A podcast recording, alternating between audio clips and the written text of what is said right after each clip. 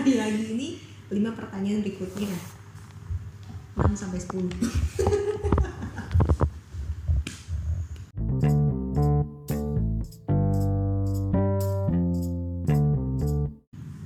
Iya. Eh, pertanyaan dari dari Kupang. Wow. usia 46 tahun seorang ibu. Hmm. jadi mungkin anaknya emang udah lumayan besar ya. Anak saya usia 12 dan 8 tahun. Tugas di sekolah sangat banyak waktu belajar mereka sama dengan waktu kerja mama dan bapaknya. Hmm. bagaimana kami bisa membimbing mereka dengan tetap bisa mengerjakan tugas kantor? Hmm, tipsnya sebenarnya kerjakan yang menjadi tanggung jawabnya dulu gitu kan. Maksudnya ketika anak di jam kerja itu hmm. kerjakan yang emang dia bisa kerjakan yang dia mampu. Ya. Ya yang mampu dituntaskan. Kalau misalnya ada beberapa yang sulit dan butuh pendampingan itu bisa di oh ya nantiin dulu gitu. Betul. begitu juga dengan orang tua yang rasanya sambil memilah juga pekerjaan mana yang ketika anak lagi ngerjain ini kita juga lagi ngerjain yang oh iya. yang prioritas gitu ya. Iya, gimana ya? Betul.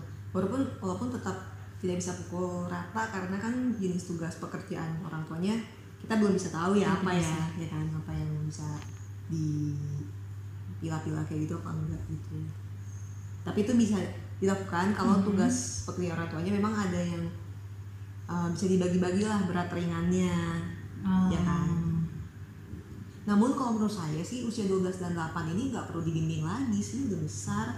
Sebenarnya usianya sudah harusnya bisa dilepas. Oh. 12 ya yang 12 12 kalau yang 8 ya nah pendampingannya seperti yang tadi dia bilang yang ya mungkin anak ini diajari skillsnya kerjakan tugas-tugas yang mudah Hmm. gitu kan yang sulit disimpan dulu untuk ditanya kepada orang tua di jam berapa sampai jam berapa misalnya gitu Hmm.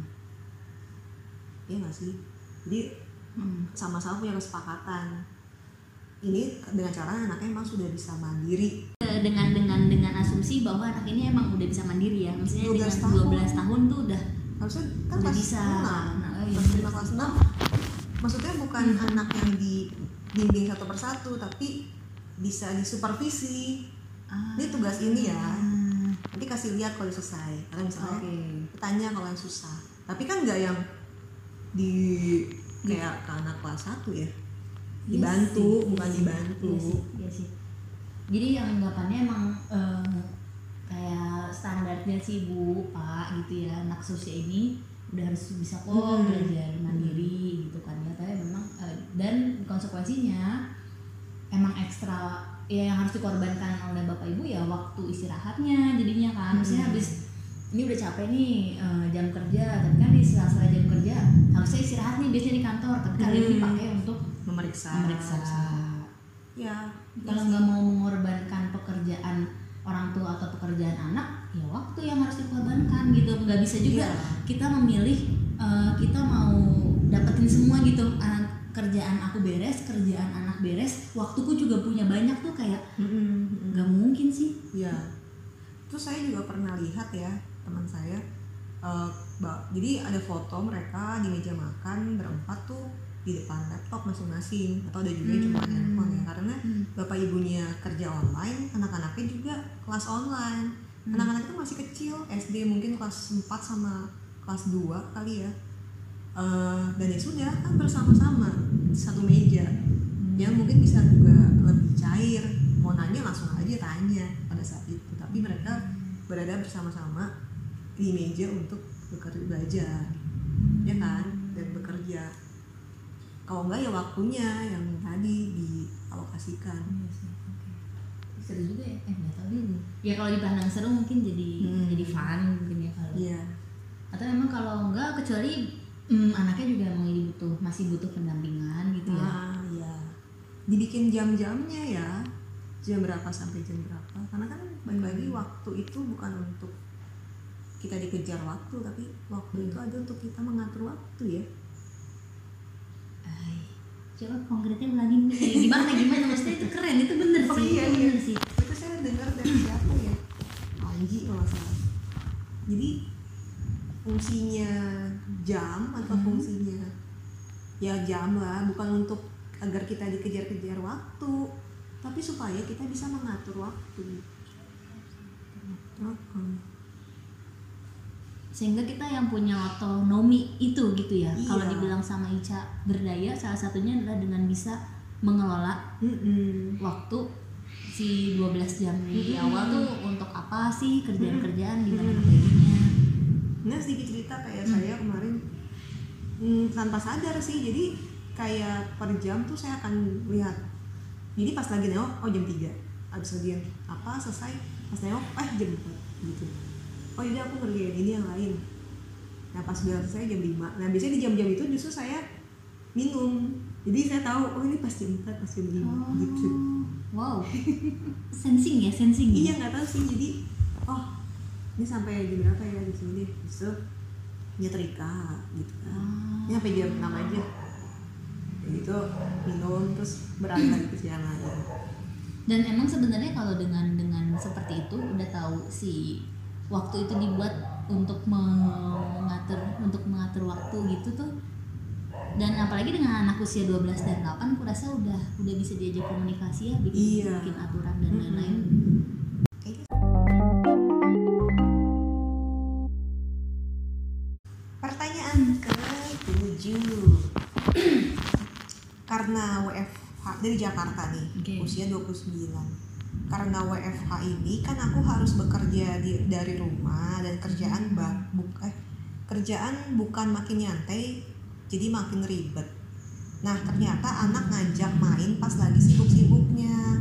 Dan malah kadang anakku komplain aku kerja terus. Biasanya kan kalau di kantor anak gak lihat ada kita di rumah dan gak lihat kita kerja. Nah terkadang harus nolak ajakan bermain atau nggak fokus karena harus sambil balas chat aku jadi takut nyakitin hatinya atau menumbuhkan rasa tidak senang dengan orang tuanya yang sibuk bekerja apakah ada tips agar tetap bisa fokus bekerja namun anak tidak merasa dikesampingkan dan apakah ada dampak untuk anak dengan hal ini? Ini mirip sih sama yang tadi ya pertanyaannya. Gimana? tapi entah kenapa situasinya lebih kompleks ya Ya karena kayaknya em kayak lebih spesifik ya soalnya ya terus karena nggak Hmm. takut anaknya tersakiti karena iya dia iya sibuk. iya. Kayaknya di sini ada udah mulai ada konflik internal nih di Iya. dalam ibu ini ibu siapa? Hmm. Ibu Pip dari Ibu Aprina. Oh, dari ibu ibu Aprin ya kayak. Makanya rasa karena kayaknya di satu sisi aku pengen kerjaan bagus, tapi Iya. juga nggak mau menelantarkan anak gitu. Betul, betul. Ini kan usia-usia 29 juga usia-usia masih ambisi ya untuk berkarir. Ah, bener bener bener Ya kan? bener. Dan ya dan mungkin uh, masih biasanya kan kalau ini level entah staff atau di the supervisor kan jadi Hmm. yang masih punya target pekerjaan Ya. harian Iya rasanya sih. sih gitu ya Iya sih. Atau emang udah membawahi pekerjaan orang lain, bisa jadinya betul nih. Hmm. nah emang kan konflik interest sih ya Iya. jadi gimana supaya Hmm. anak itu nggak komplain kerja terus. Sebenarnya kalau anak komplain malah bagus ya. Artinya anak menunjukkan kebutuhan itu gitu. Iya. Sekarang kayaknya sih emang nah mungkin ini saatnya nih kalau yang values values ini gitu ya nggak ya? Ya langsung. Gimana tuh? Dari pengetahuan anda gimana? Gimana? Kayaknya tetap eh eh, perlu di, di- perlu dikenali lagi sih perlu di, disadari atau di pada akhirnya memilih berdasarkan emang yang penting itu yang mana gitu. Yang si tapi saya nggak bisa memilih keduanya dong bu. Ini berarti penting gimana? Iya ya gimana ya? Penting. Pekerjaan juga ditunggu. Jam segini harus jawab. Kalau nggak respon dianggapnya saya nggak kerja. Anda memang memperumit situasi. Bener sih tapi jadi jadi kebayang kebayang iya. realnya mungkin begitu ya Heeh. ketika nggak bisa memilih ya berarti nggak yang dikorbankan. Kalau nggak ya diajak bareng sih. Sebenarnya tergantung nih Hmm. anaknya kan nggak dikasih tahu sih berapa. Hmm. kalau anaknya masih kecil ya ajak aja. Misalkan dia ah ya udah di pangku lah sambil sambil bilang sih mama sambil kerja. Kan ini kerjanya di rumah. Hmm. tapi ini sebenarnya lagi kerja nih artinya pengertian itu sudah disampaikan Iya belum sih, ke awal ke anak gitu ya? Hmm, terus tapi ya kalau anaknya ya udah nggak iya iya iya, sini sini sini pangku pangku. Jadi mama sambil balas sebentar ya bentar. Di situ tinggal ya main sedikit aja. Mungkin bukan cuma main sih kayak dia mungkin tergantung ya ada anak yang butuh diglendotin aja tangan ibunya dia udah seneng. Hmm, hmm, hmm, hmm. atau dipeluk sebentar atau misalnya membiarkan anak manjat-manjat ke ibunya ini kalau anaknya masih kecil ya Betita atau apa tapi kalau anak eh, kayaknya kalau soalnya kalau anaknya udah SD udah komplain kali nggak komplain ini kayak anaknya kan udah kerja udah tugas juga ya? Mungkin tugas kelas sekolah tiga ya? empat tahun kali ya. Umur tiga empat udah mulai bisa kok mama sih oh, kelas gitu tiga. ya. eh apa apa? Umur tiga atau oh empat iya. tahun gitu. Ya atau dua kali. Kebayangnya sih kalau masih yang oh gitu. iya sih. Ya pokoknya anak yang belum sekolah kali ya ini Kok aku lost track ya sorry. Aku kurang konsentrasi gue nih. Ini. Agar tetap bisa fokus bekerja namun anak tidak merasa dikesampingkan. Ya supaya anak tidak merasa dikesampingkan sebenarnya diberi pengertian. Ya kayaknya itu deh maksudnya eh, selama maksudnya gimana ya mungkin mungkin itu memang tidak menyenangkan eh, buat anak ya. Maksudnya Hmm. kayak kok harusnya efeksinya full ke aku ternyata Iya, ada kerjaan. ada kerjaan sih gitu cuman ya kalau misalnya sejak dini emang udah di diberitahu bahwa ibu juga harus kerja Mhm. gitu kan memang jadinya kayak di, di- dijelasin sih ini Iya. mama kerja ya gitu yuk ayo Iya. juga pura-pura kerja yuk gitu kayak Mhm. kayak yang kamu bilang tadi emang diajak mungkin Hmm. gitu sih supaya Iya. nggak merasa dikesampingkan ya atau uh, aku juga menangkap ini sih misalnya Hmm. ibunya bertanya agar bisa fokus bekerja. Oh. sebenarnya ada kebutuhan ibu ini maunya bisa fokus bekerja gitu kan? Utamanya itu. Nah, tapi mungkin hal yang perlu disadari dan diterima juga kondisi ini memang kondisi spesial di rumah. Jadi kayak nggak tahu ya saya aku menangkap kayak perlu ada penurunan standar sedikit Hmm. bahwa oke aku di rumah nih ada anak nih aku nggak mungkin 100% kayak di kantor Oh, gitu jadi oh, oke. kayaknya Oke. aku fokusnya nggak bisa ya tiga jam nonstop Hmm. paling cuma dua jam nih kayak gini atau selang-seling nih ya udahlah nggak apa-apa lah gitu jadi kayak Oke. self talk yang ya ya udah sih nggak apa-apa ini kan juga kondisi krisis ya maksudnya eh, keinginan perfeksionis mungkin dikurangi sedikit dan em, maksudnya juga dengan ada pemahaman eh, sama-sama orang tua juga juga bisa memahami anda kok gitu. Mm-mm. kita tuh sama-sama berempati juga bahwa si atasan itu juga belum tentu berempati si atasannya ya itu dia sih. Iya. maksudnya dengan percaya ya atasan juga akan mem- mem- memaklumi atau paling nggak berempati dengan kondisi ini nih eh, orang pada kerja di rumah nih di rumah tuh pasti ada keluarga Mm-mm. Nah, gimana tuh? Kan maksudnya keluarga pasti utama kan. Iya. walaupun memang kita nggak bisa mengharapkan setiap atasan bisa pahami kita sih Em, ada ada penyesuaian standar juga Itu, sih itu kayaknya yang, yang cukup bijak ya penyesuaian standar. Hmm. Iya, iya, iya. jadi ini dibilang ada dampak atau enggak terhadap Ke anak? sih pasti ada Pasti ada. pasti ada nah sebenarnya kan kita minimalisir dampak negatifnya Hmm. tapi berikan banyak pengalaman menyenangkan kalau misalnya emang lagi nggak bisa ini dulu main sama anak Mhm. setelah itu kan langsung kasih waktu untuk main tapi bukan jadinya melonggarkan aturan ya Hmm. ya kan karena rasa bersalah terus jadinya anak terus gitu nggak disiplin Oke. nggak Oke, ke situ gitu sih iya nggak ke situ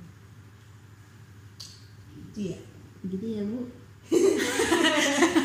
wow. intinya apa ya di iya kan maksudnya karena tujuannya tips agar kita bisa fokus Kayaknya Ya, tadi kalau- sih bener sih me- menyesuaikan si ekspektasi sama standarnya itu sih Oh, oh. udah sih. Hmm, Dipilah-pilah lagi. Mm-mm. Saya percaya ibu bisa melakukan Oke. oke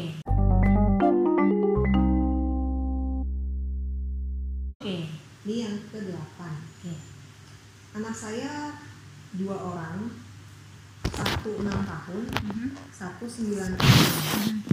Usia SD semua. Anak usia 9 tahun emosinya tidak terlalu kontrol ketika lagi bermain.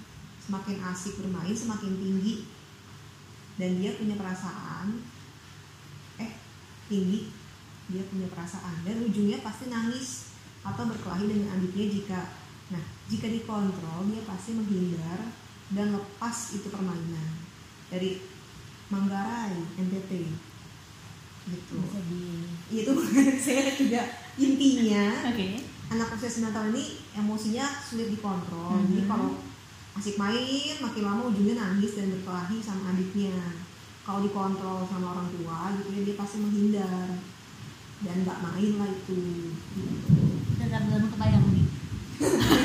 Intinya sih mungkin pengendalian emosi anak yang 9 tahun ya. Karena ujungnya pasti menangis dan berkelahi. Dan anaknya sulit dikendalikan berarti cari permainan yang bisa sebenarnya eh, iya. Ingat sih, aku belum pernah coba kamu usia ngerti. 9 tahun kan kalau misalnya anaknya masih berkelahi masih rebutan itu usia-usia egois ya. Harusnya udah lewat ya? Iya harusnya udah lewat. Harusnya udah sudah mulai mau berbagi. Nah apakah ini diajarkan atau enggak? Tapi kalau emang ini kejadiannya dia belum bisa berbagi dan belum bisa kendaliin emosi Mhm. Ini perlu diases dulu sih kayaknya. Ya 9 tahun nangis berkelahi. Karena posisinya sepertinya si adik yang emang lebih matang secara emosi. Eh? Nggak ada tulisan adiknya adiknya kan nggak ada eh, di sini kalau adiknya lebih em matang emosi. Ujung-ujung tahu soalnya ujungnya dia nangis gitu. Maksudnya di, di anak usia 9 tahun terus kayak Oh. ada adik ada adiknya oh berkelahi atau dia ujung-ujungnya eh dia yang nangis gitu kan ya nah terusnya kalau dia berperan sebagai abang ya misalnya Hmm. kalau emang udah cukup matang sih Hmm. nggak ada kasus ini gitu apa emang jadinya special case kali ya ini Iya sih. Kayak ya itu mesti dicek sensorinya, hmm. terus juga karena kan ngaruhnya nih kayak emosi ya anaknya.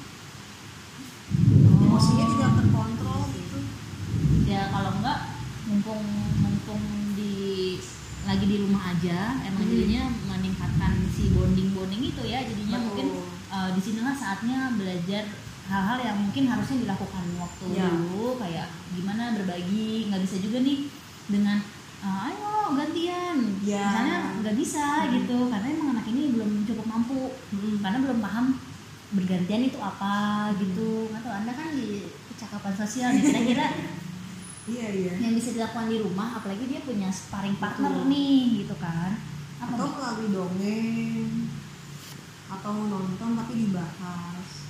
Hmm. Kayaknya mungkin penanaman nilai-nilai sih jadinya. Sehingga dia tahu hal apa yang diharapkan perilakunya seperti apa. Hmm. Gitu sih kayaknya nggak sih. justru jadi sarana banyak banyak konflik gitu mungkin jadi dia ngelatih ngeresponnya nggak perlu seberlebihan itu kak gitu ya nggak perlu marah Ya, gitu. Hmm, tapi tadi pertanyaan kalau dipanggil eh dikontrol pasti menghindar ya perlu apresiasi juga sih anaknya Hmm. dia tahu apa yang dia sudah baik jadi dia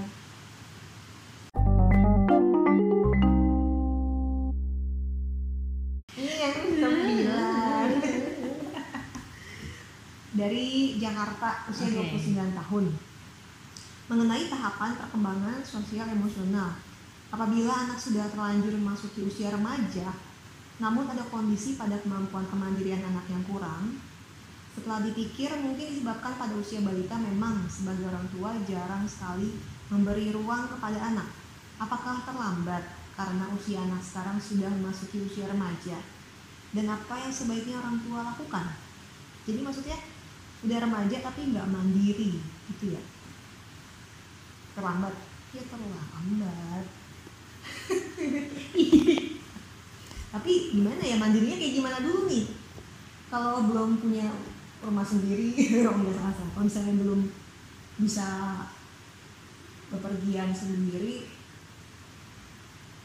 eh mandirinya apa atau mungkin kayak ini kali karena waktu dulu disupport terus Iya, ya kan iya. sehingga kayak itu yang maksudnya kurang diberi ruang sehingga pas sekarang udah remaja oh apa apa manja lah ya entah manja entah nggak bisa ngambil keputusan ya Iya sih.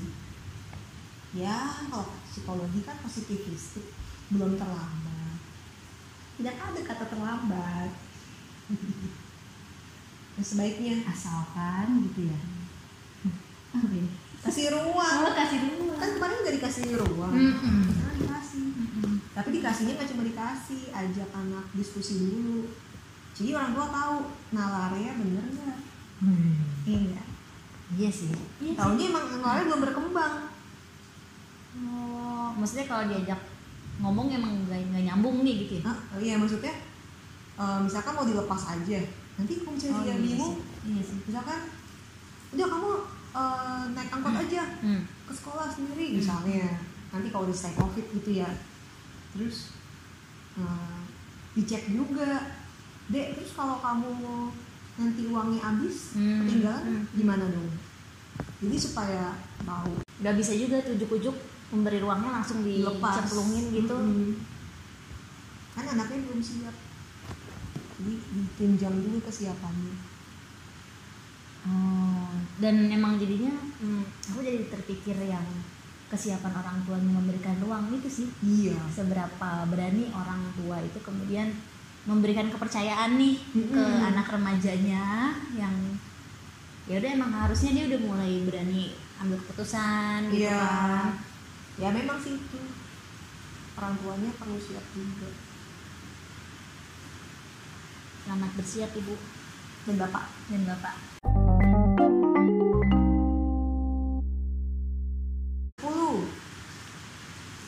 dari NTT lagi anak umur 1 sampai 5 tahun sedang dalam masa emas mudah menyerap apa saja yang dilihat, didengar, dan dirasa. Bagaimana kita bisa mengoptimalkan masa emas tersebut? waduh ini pertanyaan yang sangat positif koridornya Betul. Dan ini banyak sekali jawabannya banget teoritis.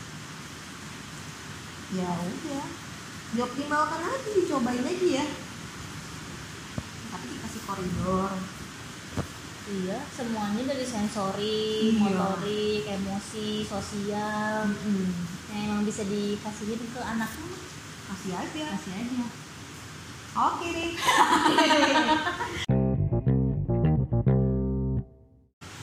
ya, sudah 10 pertanyaan kita tutup dulu. Kita tutup dulu.